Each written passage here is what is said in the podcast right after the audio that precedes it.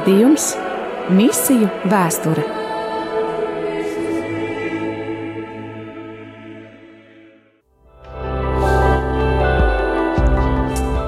Pulkstenis ir 4 pēcpusdienā, otrdienā, 24. septembrī, tieši tajā dienā, kad pirms gada šeit Latvijā viesojās pāvests.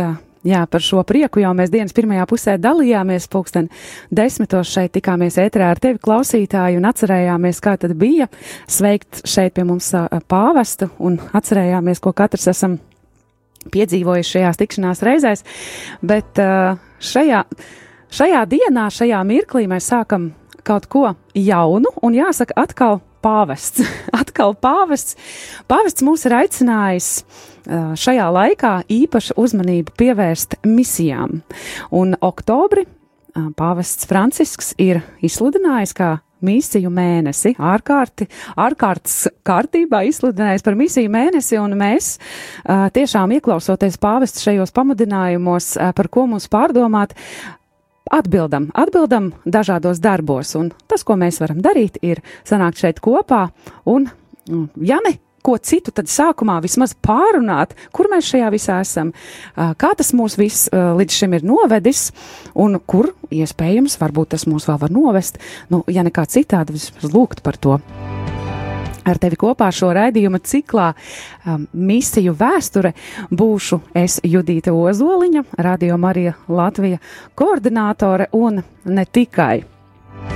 Un ko es domāju ar ne tikai to es tūlīt jums steigšu stāstīt. Ziniet, klausītāji, es šeit neesmu studijā viena, un šie raidījumi nebūs mans vienīgas garas darbs, tas būs kopā komandā veidots raidījums, un tāpēc vispirms jau paldies katram kurš šeit atnāks, katram, kurš padalīsies par, ar savām zināšanām un savām, varbūt, iemaņām vai kādu savu pieredzi. Un mēs būsim tādi trīs. Šeit, kā jau minēju, tā tad būšu es Judīta. Mums šeit studijā vēl šajā pašā raidījuma ciklā viesosies priesteris Andris Priede, bet šodien viņš nav klātsošs. Šodien viņš ir citās savās darba gaitās, bet šodien šeit man blakus sēž mana, nu jāsaka, vienu gadu, es teikšu, mēs bijām cīņu biedres. Mēs bijām cīņu biedrs un, un uh, kolēģis, vai, vai kā to sauc, uh, kā to studi studijās sauc, uh, biedri, biedri, studiju biedrene, uh, Kristīna Ēce. Sveika, Kristīna! Labdien! Kristīna, mēs mēģinājām pirms raidījuma pāriet pāri, kā es Kristīnu varu pieteikt. Un tagad es ļoti priecājos padalīties klausītāji ar tevi, jo man blakus šeit sēž cilvēks, kurš par misijām, ja nu manā cilvēku, apkārtējo cilvēku pulkā ir kāds cilvēks, kurš par misijām zina pastāstīt šo to, tad tā ir Kristīna.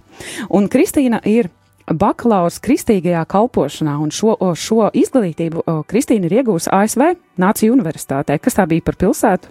Dažādas pilsētas, tā ir ļoti starptautiska universitāte. Izskaisīta universitāte, mm -hmm. brīnišķīgi. Kristīnai ir arī bakalaurs teoloģijā un reliģija pētniecībā Latvijas universitātē. Tas Tātad ir šeit mēs studējām kopā. Jā, šeit mēs studējām kopā. Un Kristīnai ir maģistrs misioloģijā, kas ir iegūts apvienotajā karalistē, Manchestras universitātē, un tieši šī tad ir tā uh, izglītība, kura tā tad ir autoritāra runāt par šo misiju lietu. Uh, Bija, Kristīna arī ir misionāra, un misionāra ap, aptuveni vai vairāk jau div, kā 20 gadus? Vairāk kā 20 Bija, gadus. Vairāk kā 20 gadus, Kristīna, visu cieņu par to, ko tu jau esi izdarījusi. Un, slava lai, Dievam! Slava Dievam, lai Dievs arī tiešām tevi pavada un stiprina tavā kalpojumā. Un, Kristīna, tu esi kalpojusi 26 valstīs. Jā, īsāku laiku vai garāku laiku dažādās valstīs. Uh, arī Centrālā Azijā, arī Tuvajos Austrumos nedaudz, un arī Ziemeļāfrikā. Un, protams, Eiropa un vēl citas valstis, jā tiešām es domāju, ka es pat savā mūžā apmeklējusi un neesmu tik daudz valstis, kur vēl, uh, vēl misionējusi šajās valstīs. Kristīna, tiešām uh, es priecājos, ka tu esi šeit ar mums un pateicos no sirds, ka tu atradi laiku, lai šeit uh, būtu un arī klausītājiem padalītos ar savām zināšanām. Nu, atkal jāsaka vienkārši paldies Dievam. paldies Dieva darbs. Jā, mēs plānojam, vai ne, un Dievs vienalga kārto tā, kā viņam to vajag. Paldies par to. Uh, Kristīna, uh, mēs uh, iesim cauri šiem, šajā raidījuma ciklā caur dažādiem tādiem aspektiem ar misiju saistītiem. Klausītāji, um, var rasties jautājums, ja, nu, nu, kas tad vēl par misiju nav zināms? Ko tad mēs vēl nezinām par misiju pa visiem šiem gadiem, ko gan mēs vēl nu, būtu palaiduši garām? Bet uh, Šī varētu būt, teiksim tā, ir tāds ietvars, kurā mēs mēģināsim apkopot un savākt kopā tās lietas. Tieši tā. Jā, kas, kas par misiju uh, mums ir zināms, salikt varbūt tādā vienā lielā misijas grozā, un, un tad mēs pārstaigāsim vēsturi, no kurienes tas viss ir aizsācies, kur mēs tomēr varam meklēt šo uh, tādu iedibināšanu, iesākšanu misijām, tad uh, mēs noteikti pieskarsimies, iesim tālāk par to, kas to visu ir atnesis līdz mūsdienām, kādiem laikiem cauri misijas, misija kā tāda ir izgājusi, kas to ir realizējis, kas to varbūt ir līdz, nevis varbūt, bet tam būs speciāli raidījums, kas ir līdz Latvijai misiju atvedis. Un noteikti mēs runāsim arī par to, kas ir misija šodien, ko mēs varam darīt šodien, un varbūt apkopot vai vismaz iezīmēt kādas, kādas līnijas tajā, ko mēs redzam, kas vēl būtu jādara. Tieši tā. Jā, un šādā garā patiesībā klausītāji mēs vairāk vai mazāk pamanī, pavadīsim visu oktobri. Tātad šī raidījuma misiju vēsture mēs satiksimies vairākas otrdienas līdz pat oktobra beigām. Tātad katru otrdienu pulksten četros šajā laikā mēs tiksimies, lai parunātu par misijām. Pēc tūlīt tūlīt jau skanošās dziesmas, ar kuru mēs patiesībā dziesma nav izvēlēta nejauši.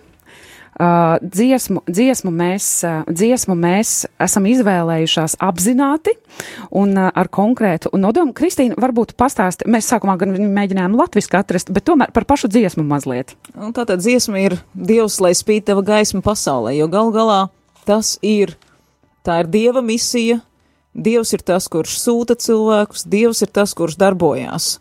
Un patiesībā misija ir Dieva pašatklāsme pasaulē, un līdz ar to šī dziesma par to arī stāsta. Dievs, lai spīd tava gaisma šajā pasaulē, kur mēs esam tumsā, ja Dieva nav.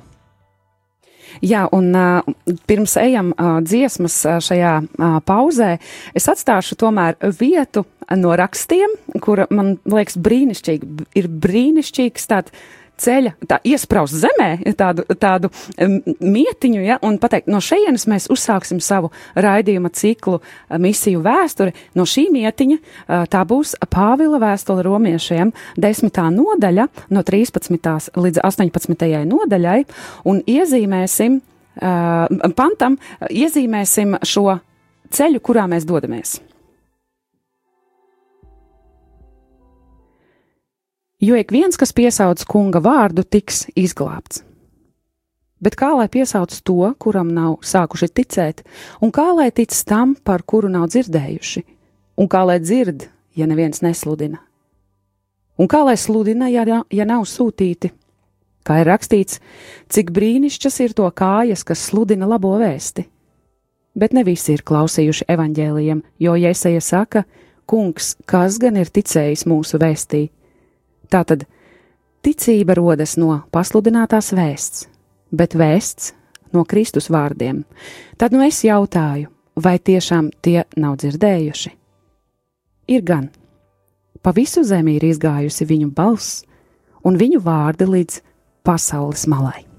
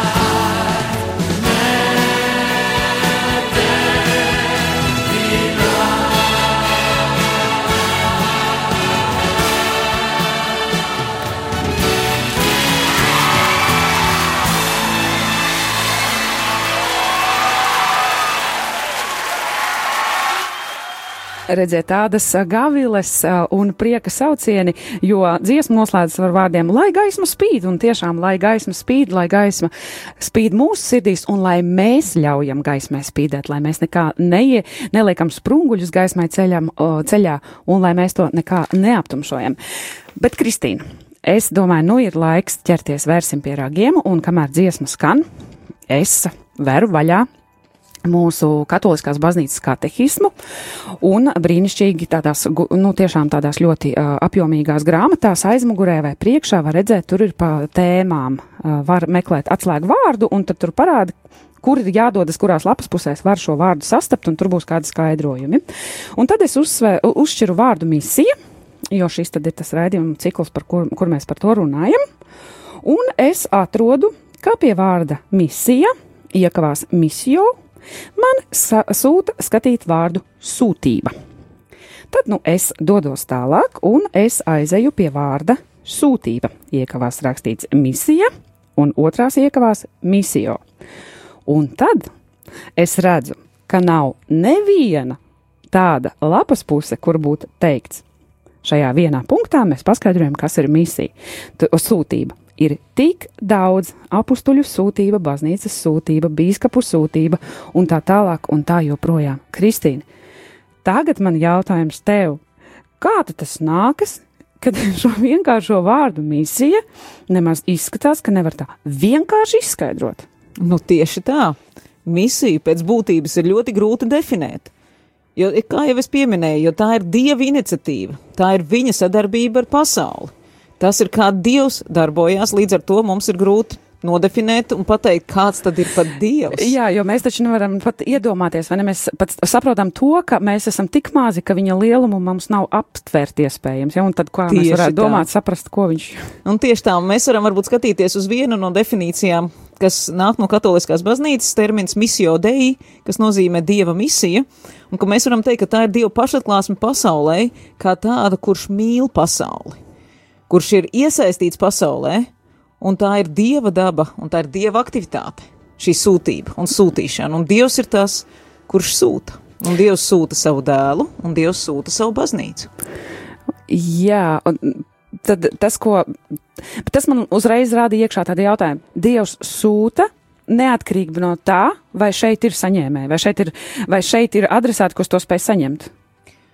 Tas jau ir dieva ziņā. Nē, es tā domāju, vai tāpēc, ka eh, kāds šeit ir vai nav saņa, eh, gatavs saņemt, vai tāpēc, dievs, vai tāpēc mainās Dieva sūtīšana? Vai mēs atceramies, Sūtība. kā rakstīts, ir, jo tik ļoti Dievs pasauli mīlēja? Pat Jā. tad, kad mēs, varbūt, kad mēs vēl bijām tālu, kad mēs bijām grēcinieki, Dievs mūs jau mīlēja. Jā, pirms mēs sūtīja. radāmies, pirms mēs radāmies, viņš jau mūs zināja. Jā, un tad ķersimies klāt pie sā, pašiem sākumiem mēs kociņu iespraudām ar romiešu, romiešu vēstuli romiešiem, Pāvila vēstuli romiešiem. Kur mums tālāk? Nu, mēs atgriežamies pie pašiem pirmsākumiem. Jā, droši vien no Un pašiem sākumiem. Skatāmies sāk. pašā sākumā, protams, iesākumā Dievs radīja. Radīja debesis un zemi, radīja dažādas tautas. Un ja mēs paskatāmies uz dažādām kultūrām, dažādās vietās, katrā kultūrā ir sapratne par Dievu. Tu neatradīsi nevienu kultūru, nevienu cilti, nevienu tautu, kuriem nav sapratni par Dievu. Un tā pašā laikā mēs ievērojam, ka ir tikai dažas no šīm reliģijām, kas ir misionējošas, kas iet pie citiem. Lielākajā daļā cilšu sapratne bija tāda, ka, jā, mums ir dota kaut kāda sapratne par svētumu, mums ir dota kaut kāda sapratne par to, kā lietas notiek pasaulē. Mēs pielūdzam to, ko mēs saprotam, un mēs tā arī dzīvojam. Un tad Dievs atklājas Abrahamam, vienam cilvēkam.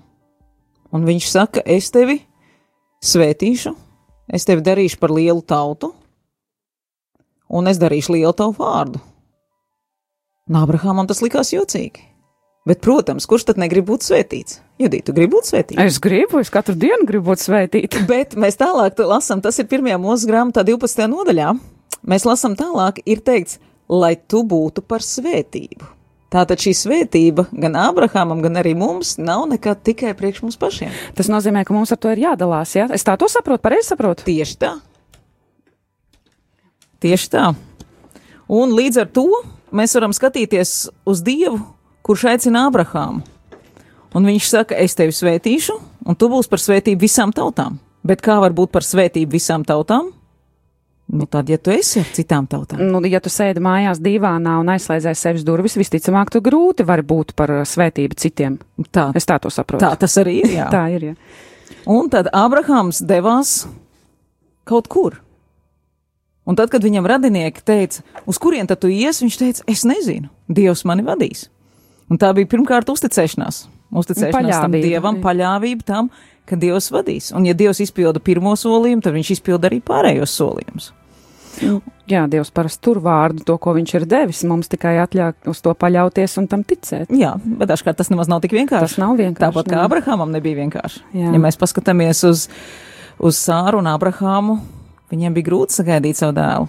Jā, Īzaku. Bet tātad Dievs tālāk saka, es svētīšu tos, kas tevi svētī, un kas tevi lādēs nolādēšu. Tātad Dievs saka, es tevi svētīšu, tu būsi par svētīgu citiem. Un ja tie citi būs gatavi saņemt to svētību, tad viņi tiešām tiks svētīti. caur, caur tevi. Jā. Jā, Un tad mēs atkal domājam tālāk. Dievs veda tālāk Abrahāmu, pēc tam Īzaks, Jēkabs, uh, tauta nonāk Eģiptē, viņi redz šos Eģiptes dievus, to, kā eģiptieši pielūdz, un viņi domā, kā tad tā, mums ir tikai viens dievs, kurš mums ir atklājies. Eģiptē ir tik daudz dievu, kurš tad ir īstais? kā lai izvēlās. Un tieši tā. Un tāpēc notiek šīs, šīs mocības Eģiptē, kur Dievs atklāja sev kā vienīgo īsto un varano Dievu. Un viņš saka, es esmu Ābrahāma, Īzaka un Jākapa Dievs, un es jūs vedīšu tālāk, es jūs piepildīšu to apsolījumu, ko es jums esmu devis. Un tad atkal rodas jautājums, vai mēs atveram, pasakam savu jā, un vai šo, ko viņš mums apsola, mēs esam gatavi paņemt, lai, savā, lai tajā viņa apsolījumā viņš atkal varētu svētīt tā, tās tālākās, Tieši tā, nu, tālākos saņēmējus. tieši tā. Un tāpēc Dievs, tad, kad izveda e, Izraelu no Eģiptes zemes, Dievs viņam deva uzdevumu. Viņš teica, es jūs esmu iecēlis par priesteriem un par svētu tautu. Jūs būsiet mans īpašums, otrā mūzes grāmata 19. nodaļa. Tātad uzdevums, ko dara priesteris? Priesteris ir starpnieks starp dievu un starp cilvēkiem. Un Izraēla uzdevums bija būt par starpnieku starp dievu, kurš ir atklājies, un starp visām pārējām tautām. Tāpēc Izraels tika svētīts. Bet Izraēlam bija grūti ar to sapratni. Un, ja mēs skatāmies tālāk uz priekšu, Dievs runāja uz Salamanu, un, un, un tātad Salamans uzcēla templi, un templī bija vesels pagānu pagalms. Tur bija iespēja pagāniem nākt uz Jeruzalem un skatīties, kā tad Izraels pielūdz šo vienu vienīgo dievu, kas ļoti atšķīrās no tās apkā, pārējo apkārtējo tautu pieredzes. Nāca sāpes ķēniņiem, viņi brīnījās par Salamanu un par to Salamanu gudrību, kāda bija. Un tātad mēs varam teikt, ka zināmā mērā Izrēlā darbojās šis pievilkšanas spēks. Jā, Dievs nekur Izrēlam neteica, ejiet un sludiniet un māciet un rādiet, tas vairāk nāk pie jaunās derības. Tādos skaidros vārdos neteica. Tieši tā, bet tieši mēs skatāmies uz šo Abrahama svētību. Es tevi svētīšu, es tevi darīšu par lielu tautu, lai tu būtu par svētību citiem. Un tātad šis Jeruzalemes templis bija kā tā viena šī centrālā vieta, kur visas tautas varēja nākt, visas tautas varēja dzirdēt, kā Dievs tiek pielūgts. Un varēja arī to pēc tam pieredzēt. Protams, bija reizes, kad Izrēlam nemaz tik vienkārši negāja ar to svētības nešanu citiem. Piemēram, mēs paskatāmies uz pravietu Jonu. Dievs viņu sūtīja pie tautas arī gan nevis ar prieka vēsti, bet ar soda vēsti. Un tomēr Jona nemaz nebija tik priecīgs iet. Viņš teica, ai, nē, Dievs, negribu. Protams, jā, šajā brīdī Jonam varbūt nebija iespēja, un mēs redzam, Uh, ka Nīnivas ķēniņš, tātad Asīrija, uh, Nīniva bija Asīrijas galvaspilsēta, šis Nīnivas ķēniņš viņu nožēloja. Un tad tā vietā, lai Jona priecātos un teiktu, vai cik brīnišķīgi jūs arī tagad slavējat un pielūdzat vienīgo dievu, Jona apsēžās un raud un saka, es jau zināju, Dievs, ka tu esi tāds žēlsirdīgs dievs un ka tu mīl visus cilvēkus. Un liekas, nu kāds gan viņš bija misionārs? Nu, bēdīgs misionārs. Un tomēr Dievs savā žēlastībā tātad parādījās vienai pagānu tautai. Un tā, tā kā mēs varam redzēt, ka Izrēlam bija arī šī otra, šis, šis otrs spēks, šis izkliedēšanas spēks. Tāpat vēlāk mēs skatāmies vēsturi, jau vecā derībā, ko mēs lasām, Jeruzalemes izpostīšanu un ka tauta tika izsūtīta trimdā, trimdā uz Bābeli, kur, protams, no vienas puses viņi pārdzīvoja un domāja par to, um, nu, kur tad ir Dievs, kāpēc Dievs mūs nepasargāja, kāpēc Dievs mūs izsūtīja. Bet, esot Bābeles trimdā, viņiem bija iespēja būt par svētību Pāvils cilvēkiem, un arī viņi tur rādīja šo vienīgo dievu, to, ko viņi pielūdz Izraēlu dievu. Un tas, manuprāt, atkal bija par svētību šai tautai. Un tas atkal tā iezīmē tādu to misijas, to, kā misija strādā, vai ne? Jo misija nevienmēr pat jāsaka, ka lielākajā daļā gadījumu ir saistīti varbūt ar tādu cilvēcisku baiļošanos, cilvēcisku nepārliecību. Kā tad es, nu, ko tad es, kā es varēšu, vai kā man vispār tikt ar to galā, jo tas uzdevums liekas lielāks nekā man, mana spēja to paveikt, bet tā, tie augļi nāk bieži vien pēc stipri ilga laika, uh, kurus varbūt mēs pat uh, savā dzīvē, dzīves laikā iespējams pat nekad arī neredzēsim. Jā, tiešām tā arī ļoti bieži ir, un tad, kad mēs nākošajās otrdienās runāsim par, jau par misijas darbu jau pēc apustuļu laika, tad mēs to arī redzēsim, ka ļoti bieži misionāri tie, kas devās, kas atcaucās Dieva aicinājumam, viņi tiešām neredzēja savu darba augļus, bet mēs tos darba augļus plūcam šodien. Piedzīvojam šodien. Piedzīvojam Jā. šodien, ja? Uh, pulkstens ir 16.26. Uh, otrdiena, 24. septembris. Man atkal gribas atgādināt, ka tieši pirms gada šajā laikā mēs dzīvojam, nu nebija tik saulaina diena, bija tāds drēgns un, un, un nesaulains un mitrs. Un tomēr mēs piedzīvojām prieku satikt uh, svēto tēvu šeit pie mums, mūsu dzimtajā, dzimtenē, mūsu simtgades gadā. Un, uh, Šajā mirklī ar šo prieku es dodos nākamajā mūzikas pauzē, pauzē un aicinu klausītāju arī tevi līdzi.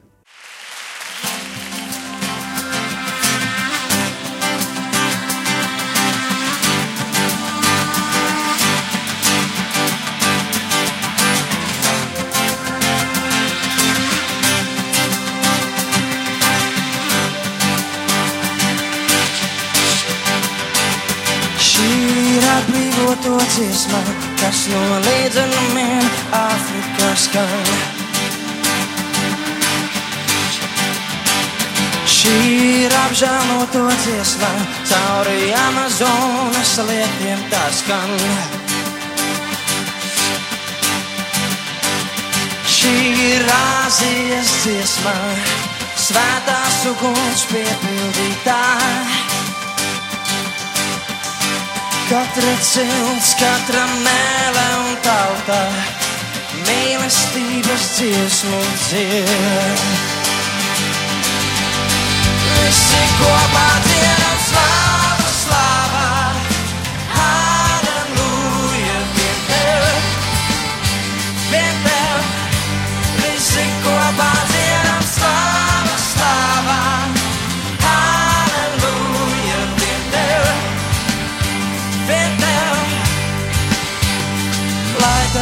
paceļas ar vēju, ar debes skaņām saplūstot.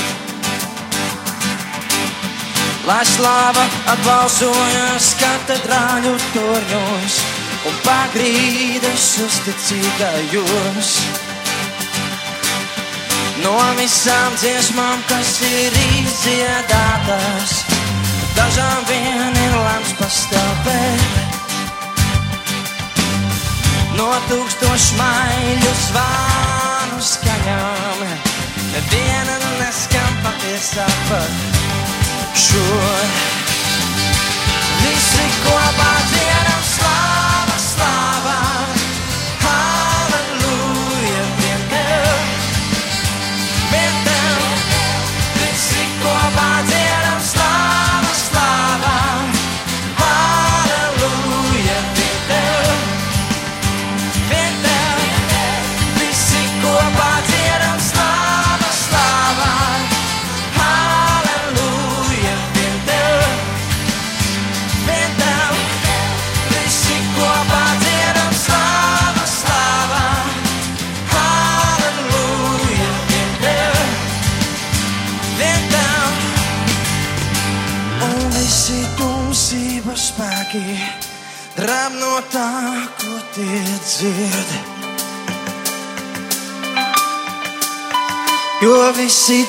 tumsības spēki nevienam vārdam nespēj dzēst. Apliecināsim šo vēlreiz. Un visi tumsības spēki drāp no tā, ko tie dzird. Jo visi tumsības spēki nevienam vārdam nespēj dzēst.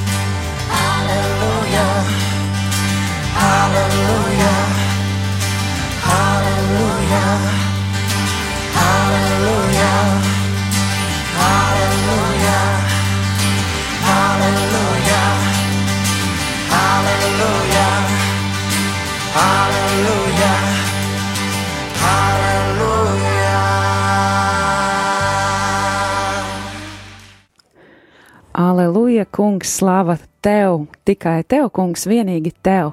Pulksteni 16.32 minūtes šajā laikā ar tevi klausītājs šodien un visas atlikušās otrdienas līdz pat oktobra beigām būšu es Judīta Ozoliņa un ar mani kopā šeit būs vēl kāds, vēl kāds šajā raidījuma ciklā misiju vēsture. Šodien pie mums šeit studijā ciemos ir Kristīna Ece.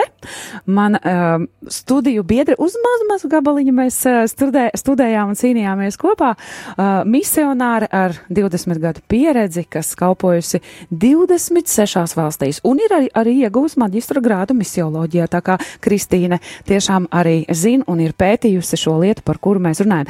Pirms dziesmas, uh, pirms dziesmas mēs mm, pieskārāmies, nu tā tad mēs no sava nospraustā, nospraustā starta kociņa, uh, mēs pieskārāmies vecajai derībai šo Ābrahama, šim Ābrahamam apsolīto šo izredzētās tautas likteni, kā tad Abrahams ir ar to gājis tālāk, un patiesībā, jā, tur iezīmējas misijas, misijas būtība, varbūt tādas ie, ieskicēja misijas šo uzdevumu.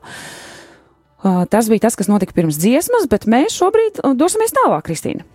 Jā, un tātad mēs nonākam jaunajā darbā. Jā, cik ātri mēs no mūsu grāmatām nonākam jaunajā darbā. protams. Un tātad Dievs sūta Jēzu. Kā jau mēs runājām, Dievs ir misionārs, misija nozīmē sūtīt, sūtīšanu, un, protams, Dievs sūta Jēzu. Un atkal, ja mēs no sākuma lasām uh, to, ko tad Jēzus saka, mums varbūt liekas jocīgi, jo, piemēram, Jēzus sūta savus mācekļus un saka, neiet uz pagānu pusi, bet ejiet pie Izraēla nama pazudušajām avīm. Mateja evaņģēlijas desmitā nodaļa. Vai varbūt arī vēl ar citās vietās, kur Jēzus arī saka, es esmu aicināts tikai pie Izraēla pazudušajām avīm, un liekas, kā tad tā, kāda misija? Varbūt Jēzus bija apjutis, bet nē, tas bija tikai pirmais solis. Tāpat kā Pāvils vēlāk saka, ka misija, viņa misija ir sludināt jūdam vispirms un arī grieķim.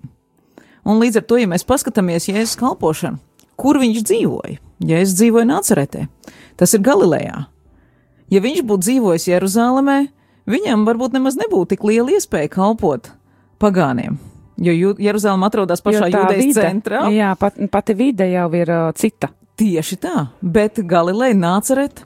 Mēs ļoti bieži mēs skatāmies, mēs lasām evanģēlijas, mēs redzam, un tad Jēzus devās uz Tīru vai uz Sidonu, kas ir Feniķija. tad mēs lasām, Jēzus devās uz dekapoli. Atkal pilnīgi pagāna apgabali. Un es domāju, ka mācekļiem, kas Jēzum sekoja tajā brīdī, prātā bija ļoti daudzas jautājumu zīmes. Saka, Jēzu, ko tu dari? Tu esi aicināts pie Izraēla avīm, kur te ir Izraēla avis? Ko tu maldies apkārt, vai ne? Jā, un tajā pat laikā Jēzus izaicina mācekļus paskatīties tālāk, jo vēlāk mēs runāsim par šo Jēzus pavēli, un uh, mēs varam skatīties, ka Lūk arī stāsta par to, kā Jēzus sūtīja savus mācekļus misijā. Viņš sūtīja uh, 12 apstuļus, un vienā citā reizē viņš sūtīja 70 savus mācekļus. Un mēs varam paskatīties, ka šie 12 apstuļi simboliski pārstāv 12 Izraels ciltis. Tātad mācekļi tika sūtīti 12. tātad Pie katras. Pie, pie katras no Izraels ciltīm. Un šie 70 mācekļi, citi manuskripti gan saka 72, Divi, bet jā. mēs skatāmies simboliski. Mēs varētu uzskatīt, ka tās ir tās 70 tautas, kas ir minētas pirmajā mūzes grāmatā. Un... Jā. Tātad pie visām tautām. Mēs varam redzēt gan vienu, gan otru, gan misiju pie jūdiem, gan misiju pie pagāniem. Un tā tad Jēzus parāda šo savu divkāršo lomu. Lai gan ar vārdiem viņš apliecina tikai pie Izraēla, bet ar darbiem viņš pasaka ne tikai pie Izraēla. Jā, pie Izraēla vispirms, bet pēc tam arī pie pārējiem.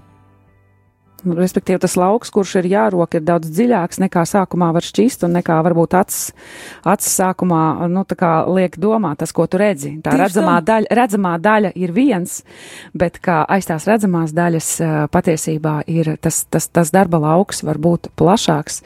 Un, un varbūt, bet es tagad, Kristīna, klausos tevi, un, un tas atkal man tā ļoti cilvēciski. Es visu laiku caur tādu personīgu to, Protams. to cil- izdzīvoju, izdzīvoju caur to cil- cilvēcisko.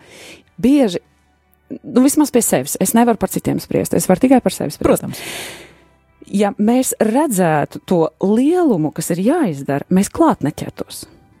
Bet tāpēc mēs, mums tā kā uzrāda vienu daļiņu, kas ir darāmais darbs. Bet, tad, kad tu pieķeries klāt, tad atklājas, ka vēl tas tur ir jāizdara, tas ir jāizdara, tas ir jāsakārto, par to ir jāpadomā, par to ir jāparūpējas. Tad vēl kāda, kāda bēda uznāk, ja? un ka patiesībā no vienas tās atsaukšanās uz vienu kādu aicinājumu, vai tas būtu tiešām arī kāds konkrēts aicinājums, bet vispār tīri pilnīgi ikdienišķos parastos darbos, vai mēs bieži nenobītos, kad mēs ieraudzītu to lielumu, ka patiesībā varbūt ir tas. Lai nenobaidītos, ja, zinot, cik cilvēks ir vājš, cik cilvēks ir vājš, ka viņa, viņa acis darba izbijās. Ja, nu, tālāk, ko tā tautas dziesma saka, tas ir cits kaut kas, ja rokas jā. darba nebijās, bet acis darba izbijās, un ka bieži mēs cilvēciski varētu nobīties. nu, tieši tā, bet tāpēc jau tā ir Dieva žēlastība. Jā, Tāpēc jā. jau tas ir atkal Dieva darbs, un mēs, uzti, ja mēs uzticamies Viņam, ja mēs pasperam to vienu solīti uz priekšu, tad jau Dievs mūs atkal vada tālāk un tālāk. Bet, protams, tāpēc arī Dievs savā gudrībā mums neatklāja visu uzreiz. Jā, jā, jo mēs noteikti nobītos, jo tas dieva lielums un spēja redzēt lietas ir tik liela un tik tāla, ka mums cilvēkiem labāk to nemaz neredzēt, jo mēs Tieši tā. nobītos. Un tieši tā, un es domāju, šeit arī tāpēc Jēzus mācīja savus mācekļus ļoti lēnām, pamazām, kaut arī viņi bija trīs gadus kopā ar Jēzu, un viņiem joprojām bija grūti aptvert, ka Jēzus ir interesēts citās tautās. Ja?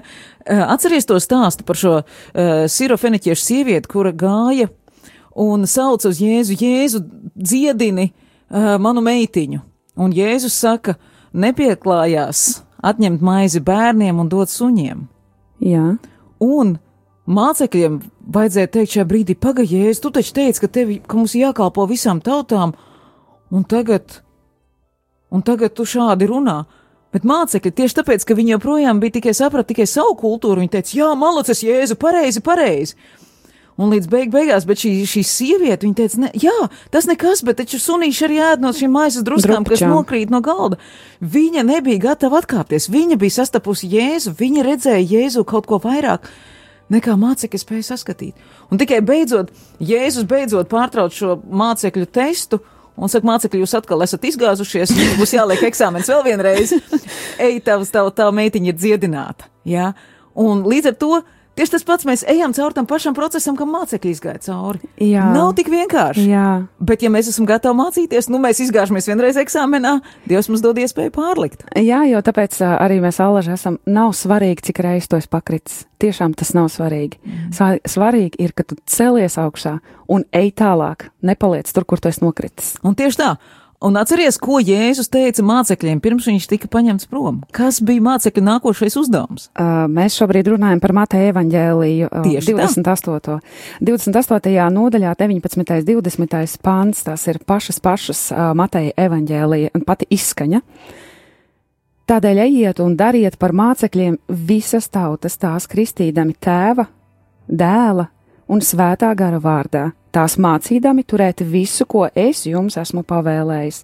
Un redzi, es esmu ar jums ikdienas līdz laiku beigām. Seigneur,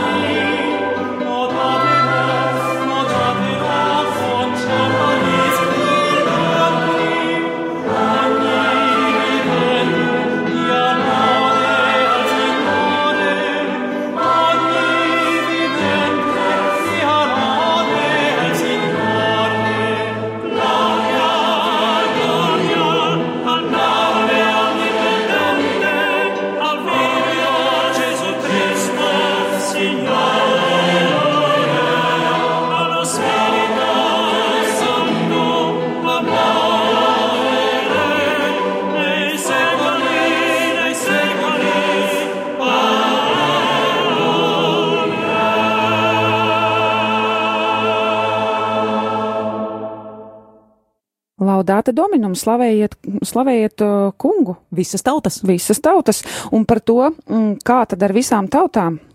Redziet, mēs pirms dziesmas uh, pabeidzām ar Mateja evaņģēliju.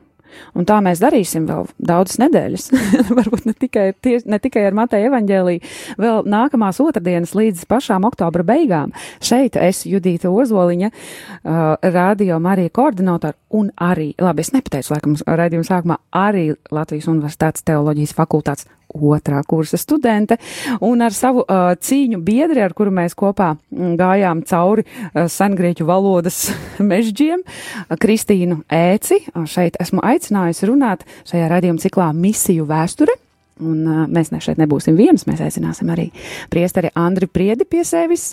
Viņš gan šodien nevarēja būt, bet mēs ticam, ka viņš varēs citu otrdienu. Un mēs runājam par misijām. Un, un, un Kristīna, uh, maģistrs misioloģijā, ir noteikti zinoša par to ar mums šeit runāt. Un pirms dziesmas mēs kā Uz tiltiņa uzkāpām ar Mateja evaņģēlī 28. nodaļu, 19. un 20. pantu, kur tātad mācekļiem, mācekļiem Jēzus tātad dod uzdevumu, ejiet un dariet par mācekļiem visas tautas kristīdami tās tēva, dēla un svētā gara vārdā, un mācīdami turēt visu, ko tātad Jēzus ir pavēlējis, un Jēzus sola, ka viņš būs kopā ar mācekļiem. Un tad mēs no šī tiltiņa pēc dziesmas kāpjam nost ar apstuļu darbiem. Un apstuļu darbu pirmajā nodaļā, astotajā pantā, mēs lasām, bet jūs saņemsiet svētā gara spēku, kas nāks pār jums, un jūs būsiet mani liecinieki gan Jeruzalemē un visā Jūdejā, gan Samarijā un līdz pat pasaules galam. Tieši tā. Tātad Jēzus dod mācekļiem konkrētu uzdevumu. Viņš saka, palieciet Jeruzalemē, sagaidiet tēva apsolījumu, sagaidiet svētā gara dāvanu, un tad esiet liecinieki. Un kā jau tu lasīji, liecinieki vispirms Jeruzalemē, tad Jūdejā, tad Samarijā, un mācekļi droši vien domāja, un Galilejā, jo viņi bija atnākuši no Galilejas, viņi domāja, ka viņi dodas mājās. Un Jēzus teica, nē, Jeruzalem, Jūdeja, Samarija un jūs nekad vairs neiesiet mājās, jūs būsiet mani liecinieki. Un mēs lasām tālāk otrajā nodaļā, nāk šis tēva apsolījums, nāk svētais gars, un svētkos ir sanākuši daudz cilvēki, un viņi dzird, ka Dievs runā dažādās valodās. Un es domāju, tagad Dieva plāns bija, ka šie cilvēki, kas dzirdēja mācekļus runājam savā valodā, ka viņi ņemtu šo savu mācekli līdzi un viņi dotos uz savu dzimto zemi, un tur šie mācekļi varētu mācīt par Jēzu. Bet šķiet, ka nekas tam līdzīgs nenotika. Mēs lasām tālāk, 5., 6. nodaļā, 7. nodaļā, visi mācekļi joprojām ir Jeruzalemē. Viņi ir saņēmuši tēva apsolījumu, viņi ir saņēmuši svēto garu. Un nekur nav aizgājuši. Un nekur nav aizgājuši. Un ziniet, un tad nāk tāds joks. Ja mēs neizpildām apstuļu darbu 1,8, tad nāk apstuļu darbi 8,1. Hmm. Kur ir rakstīts, tajā dienā sākās lielas vajāšanas pret draugu Jeruzalemē. Un visi izņemot apstuļus izklīd pa jūdejas un samarijas zemēm. Un tā, ja mācekļi negāja paši, tad viņi tika aizsūtīti. Bet arī šeit smieklīgākais mēs redzam, izņemot apstuļus. Izņemot apstuļus, jā, es tagad domāju, Tieši ko tad tā. viņi vēl tur dara? Nu, tā tad mēs atkal, kā jau tu teici, Dažkārt misijas darbs ir ļoti grūts. Dažkārt šķiet, ka tas izaicinājums ir pārāk liels. Tas uzdevums uzliktais nobiedē. Jā, un, protams, mēs nezinām, tad, kad mēs viņus satiksim, mēs viņiem pajautāsim, pajautāsim, kāpēc viņi negāja. Bet mēs redzam, ka līdz pat 13. nodaļai galvenie uh, varoņi, kas darbojās, ir Pēters un arī Jānis. Bet pēc tam mēs redzam, ka sākot no 13. nodaļas, Dievs izredz citu cilvēku, ļoti izglītotu, Romas pilsoni, kuram ir valodu zināšanas, kuram ir prasmes, kuram ir pietiekami e, politiskie kontakti, Saula no Tarsas, kuram viņi dod jaunu vārdu, Pāvils, un Pāvils kļūst par dievu izredzēto ieroci gan pie jūdiem, bet vēl vairāk pie pagāniem, un tieši mēs varam teikt, ka Pāvils ir pirmais pagānu tauta apustulis. Un tieši mēs lasām apakstu darbos, ka Pāvils dodas savos misijas ceļojumos, kurus mēs zinām vismaz ir trīs. Uh, uh, Priesteris Andris Priedi varbūt pastāstīs par ceturto ceļojumu, ko teologi domā, bet mēs redzam, ka Dieva vārds izplatās. Un arī tad Pāvilam nemaz nav tik viegli. Viņš sludina evaņģēliju pagāniem, un tad līdz ar to draudzē ir jautājums, vai šiem pagāniem ir vispirms jākļūst par jūdiem, lai kļūt kristieši, vai pietiek ar to, ka viņi vienkārši tic Jēzum. Un tad mēs lasām apstākļu darbu 15. nodaļā, ir slavenais Jeruzalemes koncils, kur mēs varam dot apakšvirsrakstu Jēzus un kultūras. Jo kā tad mēs kļūstam par kristiešiem? Un mēs redzam to, ka patiesībā Dievs deva apstuļiem gudrību pieņemt pavisam vienkāršu lēmumu, ka nebija eh, šiem jaunajiem ticīgiem, nevajadzēja tikt apgaizītiem, nevajadzēja pildīt bauslību, bet viņi raksta apstuļu darbu 15, 28. Svētajam garam un mums ir lapatīcis neuzlikt jums citu nastu kā vien nepieciešamo. Atturēties no alkupuriem, asinīm, no nožņauktu dzīvnieku gaļas un no netiklības. Ja no tā visa sargāsieties, jūs darīsiet labi. Ļoti vienkāršs standarts. Vienkārši norādes. Lai cilvēks kļūtu par kristieti, mm -hmm. viņam nav jānes tā vecās derības nasta, kas, protams, definē Izrēlu, bet Jēzus to piepildīja, un mums tas vairs nav jādara. Un līdz ar to šis apstuļu lēmums, un es ticu, ka tas bija svētā gara iedvesmots un iespaidots. Protams, tas deva iespēju kristietībai izplatīties pa visu pasauli un kļūt globālai reliģijai, kā tā ir šodien.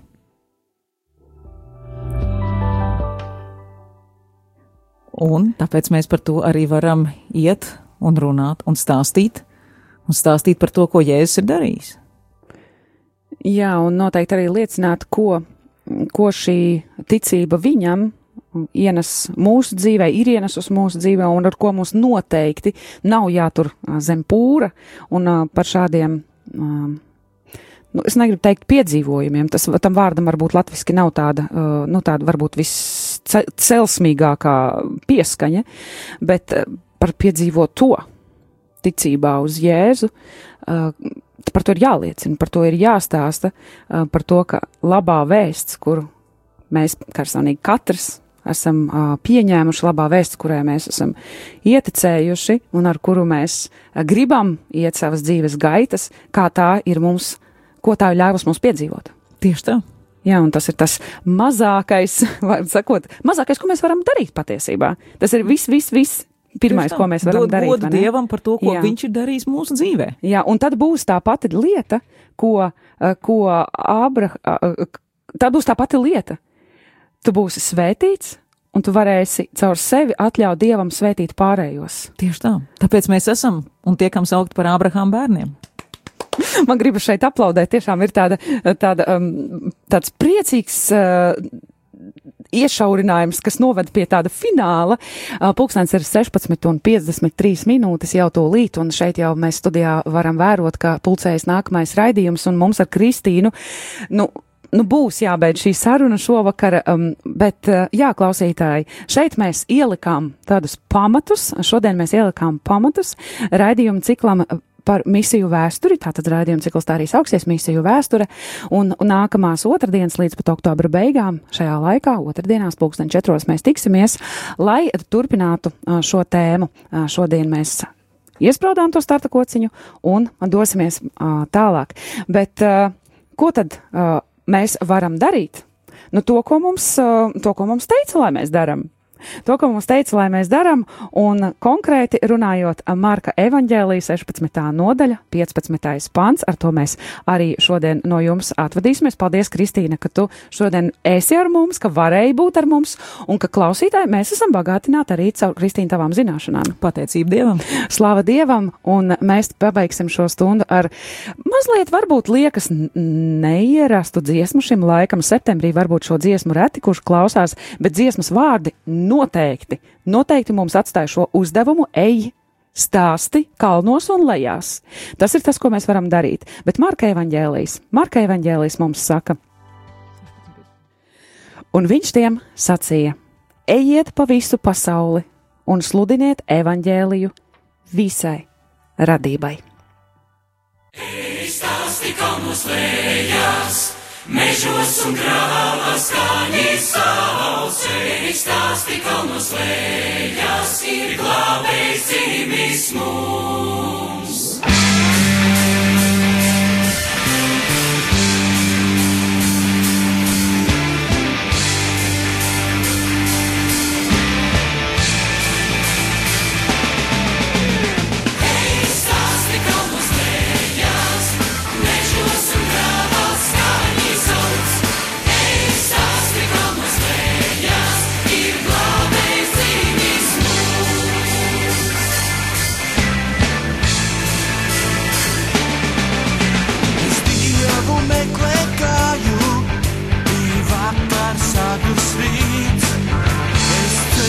that amazing now you